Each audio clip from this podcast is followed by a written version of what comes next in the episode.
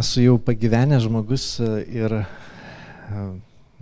taip, taip jau yra iš tikrųjų pagyvenęs, nes augau sovietinėje sistemoje, mokyklą baigiau tarybiniais laikais, kaip kai kurie iš jūsų, bet ačiū Dievui ne visi, nes šiandien mes turime kitokias aplinkybės.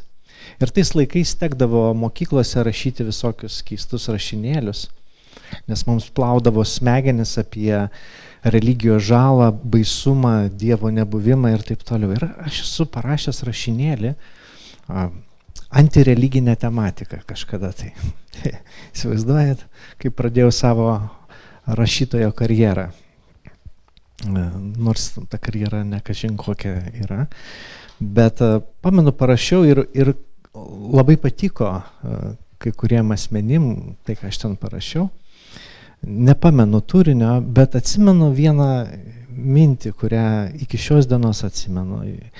Jog buvo tie religiniai žmonės, apie kuriuos aš ten rašiau, tokie blogi, kad jie sakydavo, kad tikslas pateisina priemonės. Ir, ir galbūt jūs žinote, kas, kas tie žmonės, bet būtent taip ir supratau, kad religiniai žmonės turi tokius tikslus ir tokias baises priemonės, kad jų reikia saugotis. O po to, mm, jau kai pasibaigė sovietmetis ir mes mm, truputėlį pamatėm daugiau, kad religija nebūtinai yra tokia bloga ir pamatėm mm, įvairių kitų patirčių. Ir tada supratau, kad vis dėlto kartais žmonės visiškai būdami nereligingi turi blogus tikslus ir blogas priemonės. Nes labai dažnai priemonės parodo, kokie yra tikslai. Ir, ir šiandien aš tikiu, kad iš tikrųjų nei vienas žmogaus tikslas ir nei viena žmogaus priemonė, kaip jisai sakosi, jog jinai yra gera, iš tiesų nėra gera. Mes tik tai galvom, kad mūsų tikslai nuostabus ir kad mūsų priemonės puikios. Bet iš tikrųjų tik tai vienas Dievas turi tą tobulą tikslą ir būtinas priemonės jį pasiekti. Dievas tik tai vienintelis visoje visatoje turi gerą tikslą. Gerą tikslą kiekvienam iš mūsų. Ir šiandien mes skaitysime pirmą Petro laišką iš pirmo skyriaus nuo trečios eilutės. Jūs pradėjote studijuoti nuostabų Dievo žodžio tekstą, švento rašto tekstą, pirmąją Petro laišką. Ir šitas laiškas yra parašytas kenčiančiai bažnyčiai, persekiojimai bažnyčiai, suspaudimu bandomai bažnyčiai. Ir, ir kai tai nutinka, mes galvojame, kas čia per priemonės taikomos mums, kas čia per būdai, kurie mums staiga pasirodo labai sunkus ir skausmingi. Ir ypač jeigu mes esame tikintieji ir mes esame Dievo vaikai, mums kyla klausimas, ką Dievas daro, kodėl jis tai leidžia ir kaip tai paaiškinti, kaip tai suderinti su juo nuostabiu tikslu. Ir apaštalas Petras šitame mm, laiške stengiasi parodyti bažnyčiai. Ir rodo tai bažnyčiai, kuri tuomet rinkosi Ponte, Galatijoje, Kapadokijoje, Azijoje, Bitinėje, tose vietovėse. Bet šiandien mes galime taip pat pridėti ir mūsų šalį, mūsų kraštą, mūsų miestą.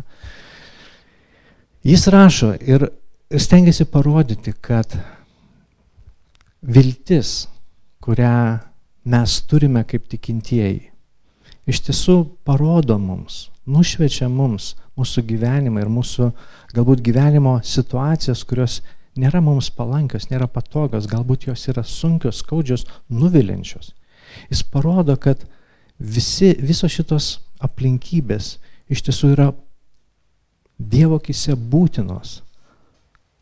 Nes visa tai, kas vyksta su mumis, tik tai ruošia mus nuostabiai amžinai tik, tikroviai, amžinam džiaugsmui su Dievu.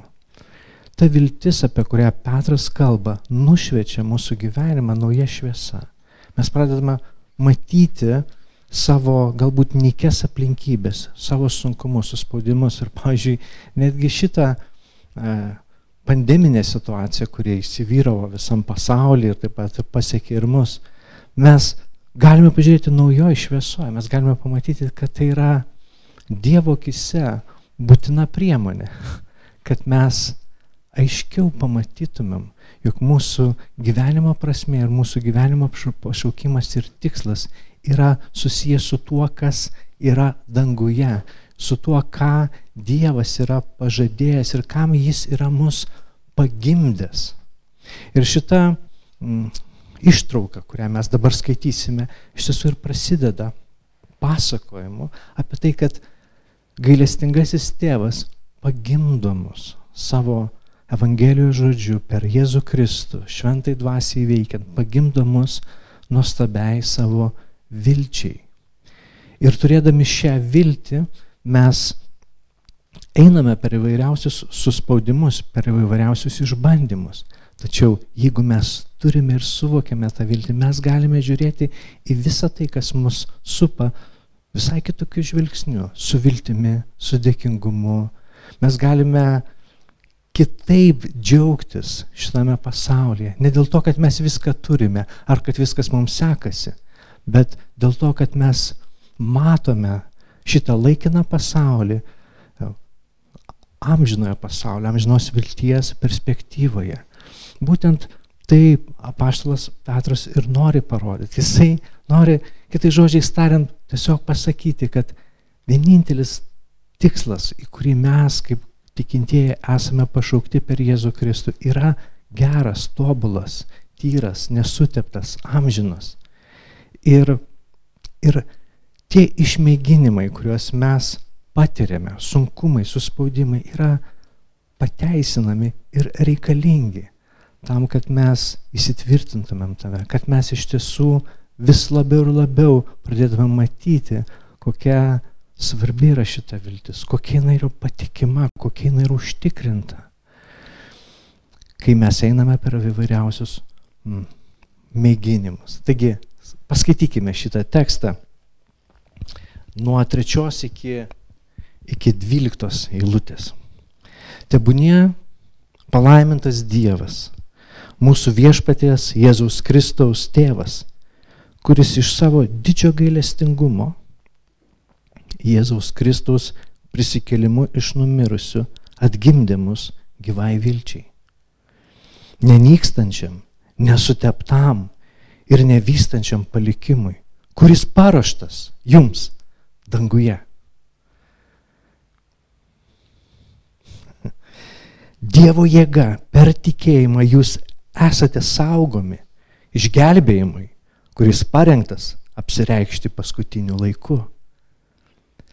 Tuo džiaukitės, nors dabar, jei reikia, trumpai kenčiate įvairiuose išmėginimuose, kad jūsų išbandytas tikėjimas brangesnis už pragaištantį auksą, nors ir ugnimi ištirta būtų pripažintas vertas gyriaus garbės ir šlovės, kai apsireikš Jėzus Kristus.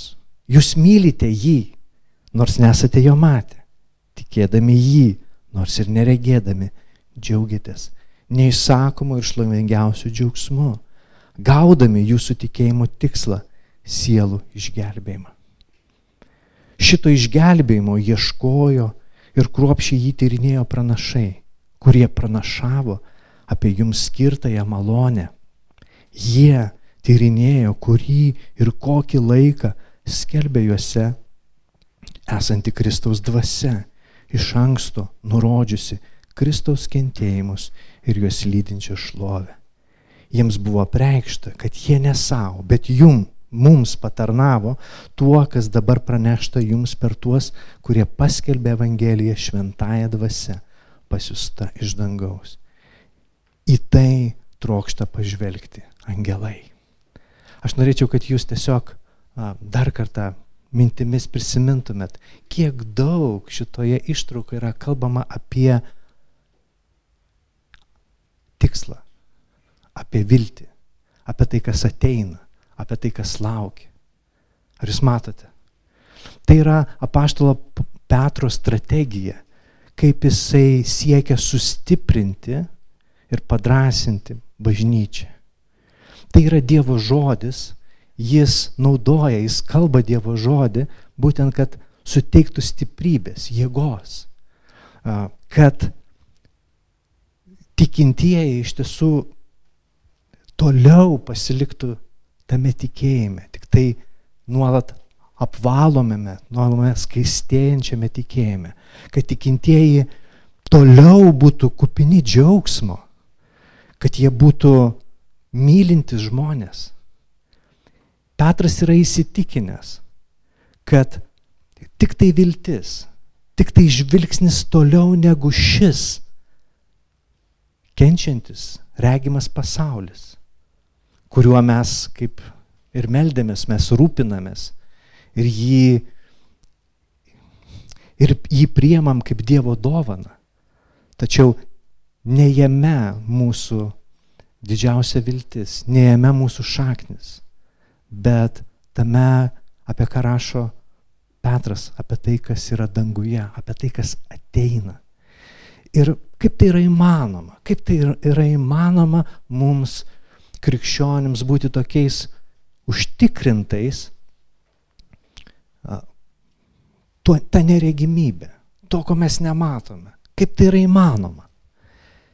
Ir atsakymas yra tiesiog tose pirmose pastraipos eilutėse. Jisai sako, Dievas, mūsų viešpaties Jėzus Kristus tėvas, iš savo didžio gailestingumo Jėzus Kristaus prisikėlimų iš numirs atgimdė, pagimdė.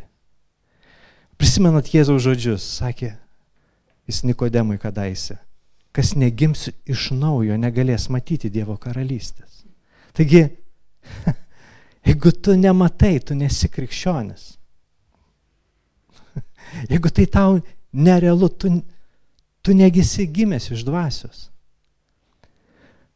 Nes tik tai gimęs iš dvasios, gimęs tėvo sprendimu, jo nutarimu, jo išrinkimu, regi, gali regėti tą karalystę. Kaip negimęs kūdikis negali matyti šito pasaulio gerai, galbūt jis negali parašyti knygos apie šitą pasaulį, daug papasakoti šitą, bet tas kūdikis, už kurį mes dėkojame, kuris gimė visai nesenai jūsų, jūsų maldų dėka, jis dar nekalba. Jis, jis tik tai mato pasaulį, jis mato šviesą, jis jaučia ma mamą, tėtį, jis uh, valgo ir dar daro kitus svarbius dalykus, ar ne? Bet jis yra gyvas, jis suvokia šio pasaulio tikrovę, nes jisai gimė. Tas, kuris negimė, nesuvokė, bet tas, kas gimė, suvokė. Dvasinis gimimas, apie kurį čia kalba apaštalas Petras, yra toks labai panašus kai mes gimstame, mes, mes žinome dalykus, mes juos matome ir nuvokiame, nors nematome jų fizinėmis akimis, negirdime jo fizinėmis ausimis, bet, bet nuvokiame juos neregimai, tikėjimu. Mes žinome, kad tai tikra. Ir tai kaip Petras sako, jūs pagimdė gyvai vilčiai. Žinote, Įdomu tai, įdomu tai, kaip mes turime būti dėkingi už, už šitą tikėjimo dovaną. Nuote, niekas negimsta savo sprendimu. Po to mes darome sprendimus gyvenime, ar ne? Bet mes gimstame į pasaulį, niekas mūsų neklausė dėl. Ar tu nori gimti, ar tu nenori gimti. Mes gimstame. Ir po to mes renkamės dalykus. Panašiai ir su dvasiniu gimimu.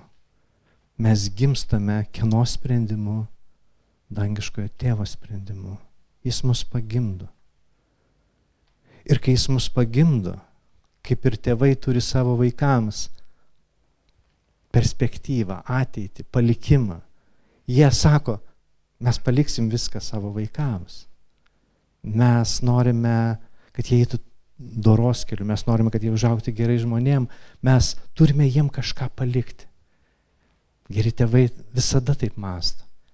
Tai juo labiau mūsų dangiškasis tėvas, kuris pagimdė, kuris mums davė nuovoką apie savo realumą, apie per šventąją dvasę, kuris mums davė. Jis turi mums ateitį, jis turi mums tikslą, perspektyvą, viltį, gyvą viltį, gyvą viltį, paruoštą jums danguje nenykstantį, nesuteptą, nevystantį palikimą. Aleliuja. Kaip, kaip yra nuostabu suvokti, kad tai kalbama apie tave ir mane. Kaip nuostabu suvokti. tą Dievo planą, Dievo sumanimą. Ir matyti, kad visas šitas gyvenimas yra tik tai preliudija, yra pasiruošimas šitai vilčiai.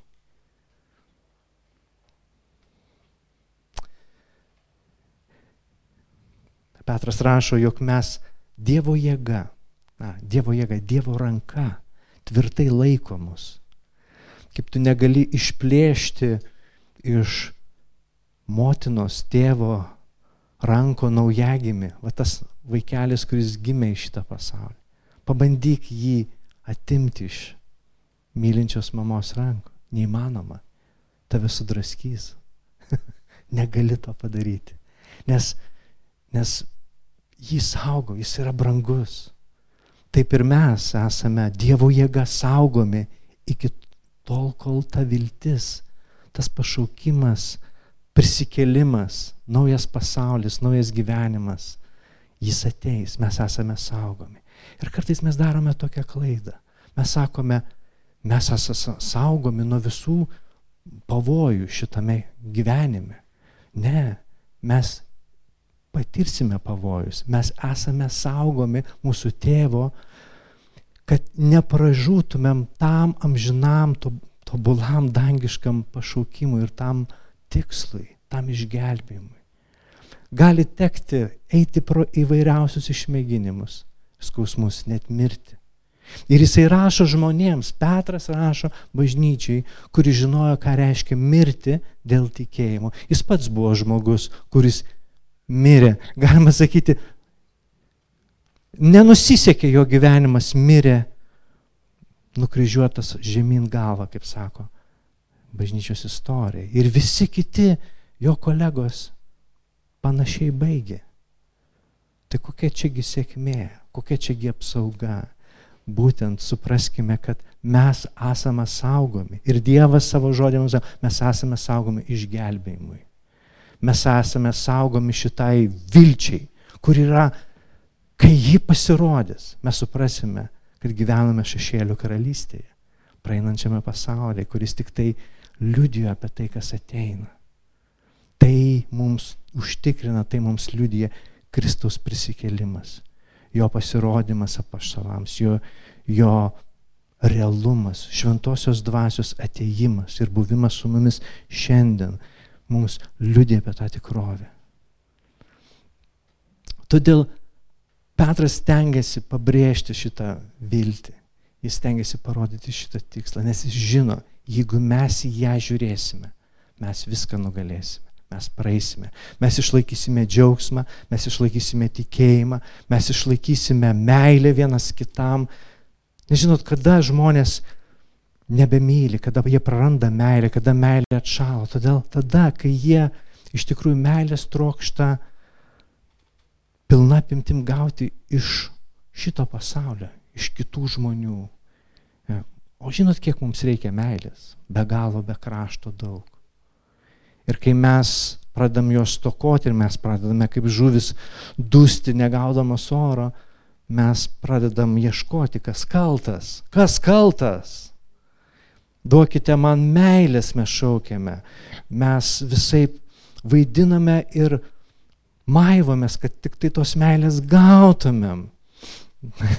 kas daro prastinę operaciją, kas kočioja raumenis. Kiekvienas savaip trokšta to dėmesio.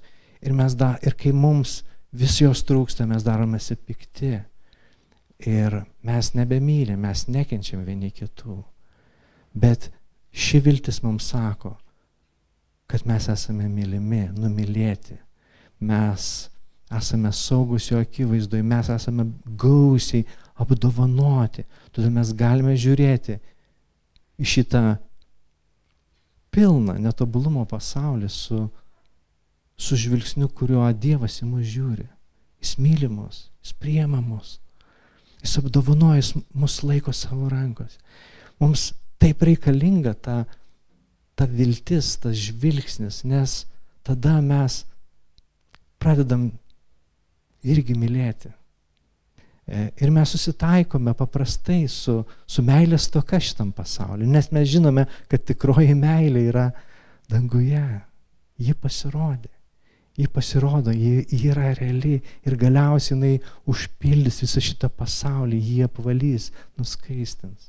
Todėl mes galime pereiti, pereiti sunkumus. Todėl Petras rašo, sako, va tuo džiaukitės skaitau šeštą eilutę, tuo džiaukitės, kuo, va, va tuo džiaukitės.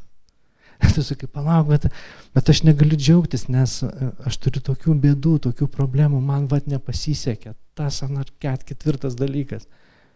Bet taip tu ir nesidžiaugsi, jeigu tavo visas gyvenimas, jeigu visas tavo žvilgsnis bus susikoncentruotas čia į šitą pasaulį, jeigu tu nematysi tos vilties, nematysi, žinot, visi mūsų troškimai, mūsų poreikiai, jie yra Dievo įdėti, mes, mums labai reikia daug, mums, mums nepaprastai daug reikia. Ir kai mes dairomės aplinkui, sakom, kas man tai duos. Ir tu net nepasakai, kiek tau reikia. Nes pats net nežinai, kiek tau reikia meilės, kiek tau reikia intimumo, kiek tau reikia malonės, kiek daug man reikia. Ir niekas man negali šitam pasaulyje to duoti. Ir jeigu aš ir tik tai čia, tai aš niekada negalėsiu tyrai džiaugtis. Bet Petras sako, jūs džiaukitės, jūs galite džiaugtis, jūs galite džiaugtis šituo, šitą viltimį ir, ir šituo gyvenimu. Būti už jį dėkingi, už tas mažas dovanas, už tuos mažus paliudimus Dievo gerumo. Jūs galite džiaugtis. Tuo džiaukitės. Nors dabar, jei reikia, trumpai kenčiate įvairiuose išmėginimuose. Realybė. Žinot, kokioje apimti žmonės kenčia. Mes sakom, vad jie kentėjo daugiau negu mes, mums tenka. Ar tai mes lyginam tą saiką. Bet žinot, nesaikia kentėjimo yra tas raktas, bet žvilgsnyje. Į ką mes žiūrime. Į ką mes žiūrime. Nes matant aiškiau apie tai, ką kalba Petras, matant šią viltį, šitą tikslą, Dievo tikslą dėl tavęs ir manęs. Net patys sudėtingiausi ir sunkiausi dalykai mums tampa nebe tokie sudėtingi ir skausmingi. Mes galime priimti, pakelti tai. O kodėl tai vyksta? Skaitome, kad jūsų išbandytas tikėjimas brangesnis už pragaištantį auksą, nors ir ugnimi ištirta, būtų pripažintas vertas gyriaus, garbės, šlovės, kai apsireikš Jėzus Kristus. Jūs mylite jį, nors nesate jo matę, tikėdami jį, nors ir neregėdami, džiaugiatės neįsakomai ir šlovingiausių džiaugsmų.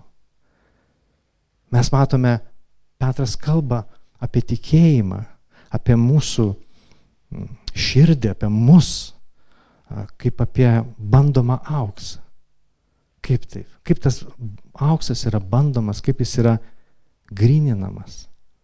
Jie matydavo tas auksakalius, kurie imdavo auksą, kuris būdavo su įvairiuokam priemaišom. Grinuolis, bet su olienų priemaišom.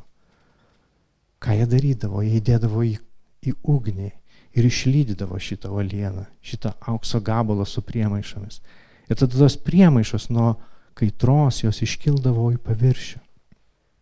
Ir tas auksakalys nugriebdavo tas priemaišas. Ir likdavo tik tai tai, kas, kas grina, kas tikra, tikras auksas. Bet paaiškėdavo, kad jis dar netoks grinas, kaip atrodė. Ir vėl jis būdavo įkaitindamas ir, ir auksas būdavo taip grinamas keletą kartų, kol pasiekdavo aukščiausią prabą, kad tu žiūrėdamas į tą grinuolio gabalą, į tą grinuolio plytą, galėjai matyti netgi savo atvaizdą. Tu žinojai, kad čia yra grinas auksas, aukščiausios prabos. Taip ir mes. Taip ir mes esame grininami. Žinot, kas yra negryna mumise, kas yra mumise netyra. Mes užsispyrusiai tikime, kad esame patys atsakingi ir, ir pajėgus būti išganyti ir laimingi. Mes patys kliaujamės, mes patys manome, kad tai yra mūsų galioje, mūsų rankose. Ir mes susispyrusiai tuo tikime visą gyvenimą. Mūsų viltis dažnai būna susitelkusios ties šeima, karjera, um, santykiais, turtu, daugeliu dalykų. Mes užsispyrusiai tikim, kad tai yra, kas mus padarys laimingus, kas mus pagaliau privers ir sužadins mumise tą džiaugsmą šito gyvenimo, laimės patyrimą. Mes to tikime. Ir tai yra netirumas Dievo akise.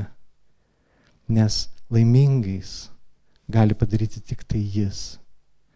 E, tyrais, iš tiesų džiaugsmingais, pilnais džiaugsmo padaro tik tai Jis, kuris yra tikrasis džiaugsmo, meilės, intimumo, šlovės, gerumo šaltinis jo tikslas yra nuostabiai geras. Ir jis naudoja būtinas priemonės. Jis leidžia mums mm, nusivilti, mums suklupti, tam, kad mes suvoktumėm vis labiau ir labiau, dar ir dar kartą, ir mums nežinau, kiek kartų man reikia suklupti, kiek man reikia save pagauti, savo širdį pagauti, kad aš visgi viliuosi e, laimę rasti pats, be Dievo. Bet kuo daugiau ir toliau aš gyvenu, tuo labiau aš matau, kad nusivylimas savo gyvenimu, nusivylimas šituo pasauliu yra labai nuostabi dirba tikrajos, tikrosios vilties augalui. Dievas pasodino vilties sėklą į mus bet mes neleidžiam jai aukti, kol mes patys tas sėklas auginam. Bet vos tik tai tos sėklos apmiršta, to nevilties dirboje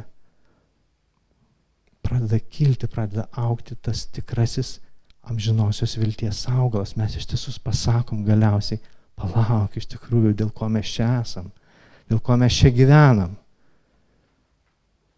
Ir tik tai jeigu tu esi pagimdytas jo žodžiu, tu įmanoma tai pasakyti iš širdies.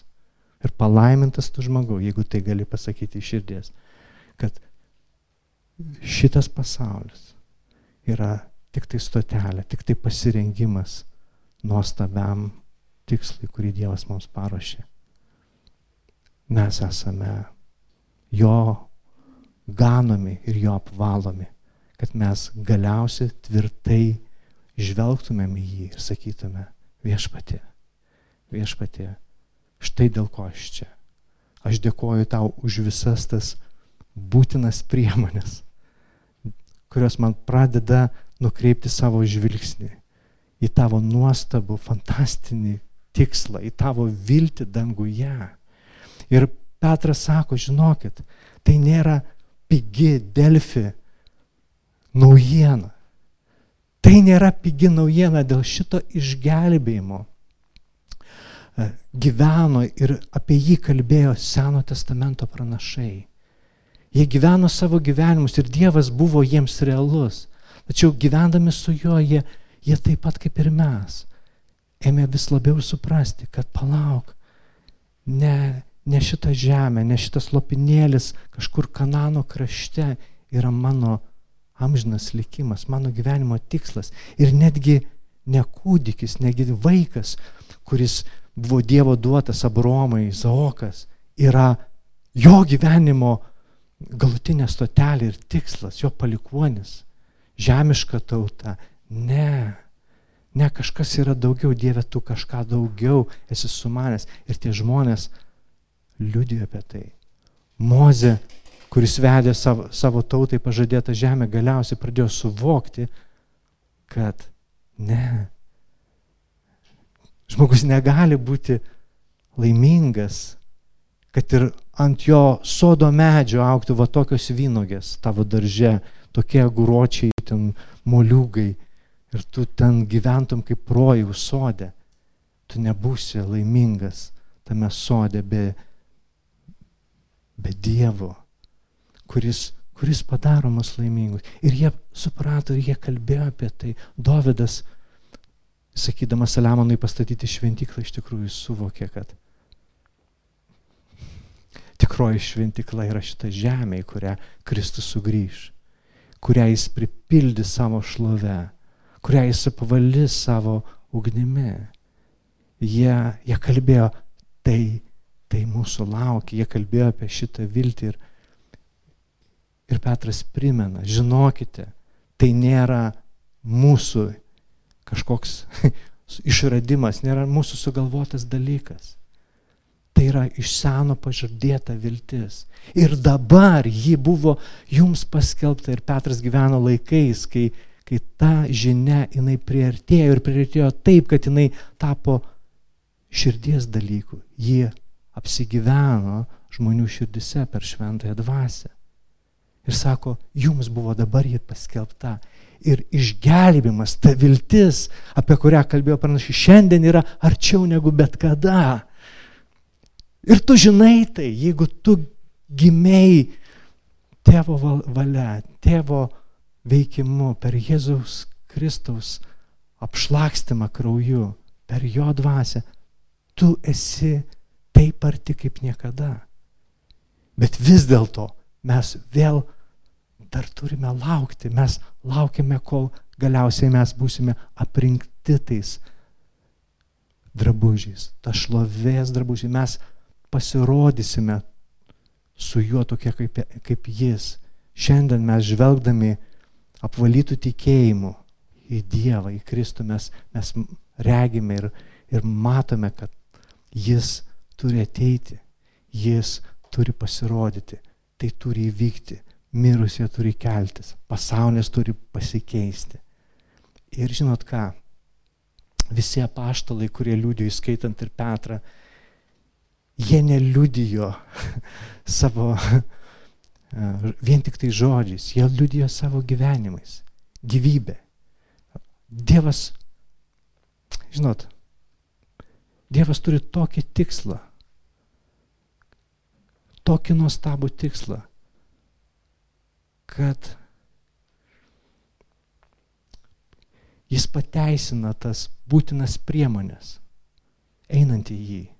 Ir apaštalai savo gyvenimuose žinojo, ką reiškia šitas, šitas principas. Jie visi mirė ne savo mirtim. Dėl ko? Ne dėl to, kad kažkaip neatsargėjo per gatvę. Ar nuo kokios nors lygos. Ne, Dievas norėjo, kad jie mirtų dėl šitos vilties. Jie liudijo šitą viltį, nes jie žinojo, kad tai yra tikra ir jie prisidėjo prie tų Seno testamento liudytojų. Tai taip šlovinga, tai taip didinga, tai taip tikra. Ir Petras sako, žinot, angelai nori pažiūrėti, kas tai. Jis, jis šiaip nešneka, šiaip kažkaip poetiškai apie angelus, jis matė juos. Ir tikrai, jis buvo žmogus, kuris buvo susidūręs su realiom angeliškom būtybėm. Ir sako, jie Jie nežino, irgi nežino visko, bet jie žino, kad tai kažkas, į ką Dievas įdėjo save. Taigi tokia viltis, toks tikslas. Ir jis pateisina tas būtinas priemonės, kurias Dievas panaudoja, vedant mus, rodant mums tai.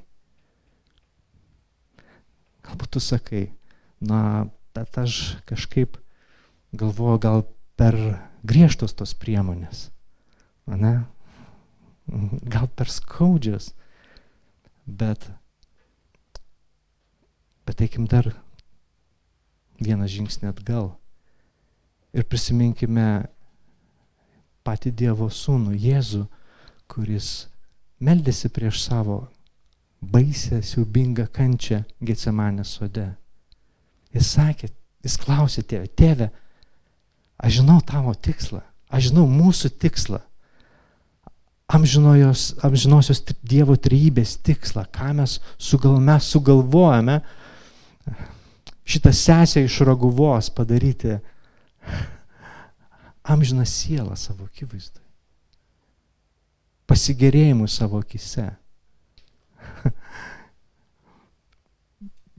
Mes kartu su ją iš tautų ir tautelių žmonės ateis pas mus ir mes pakeisime jų širdis.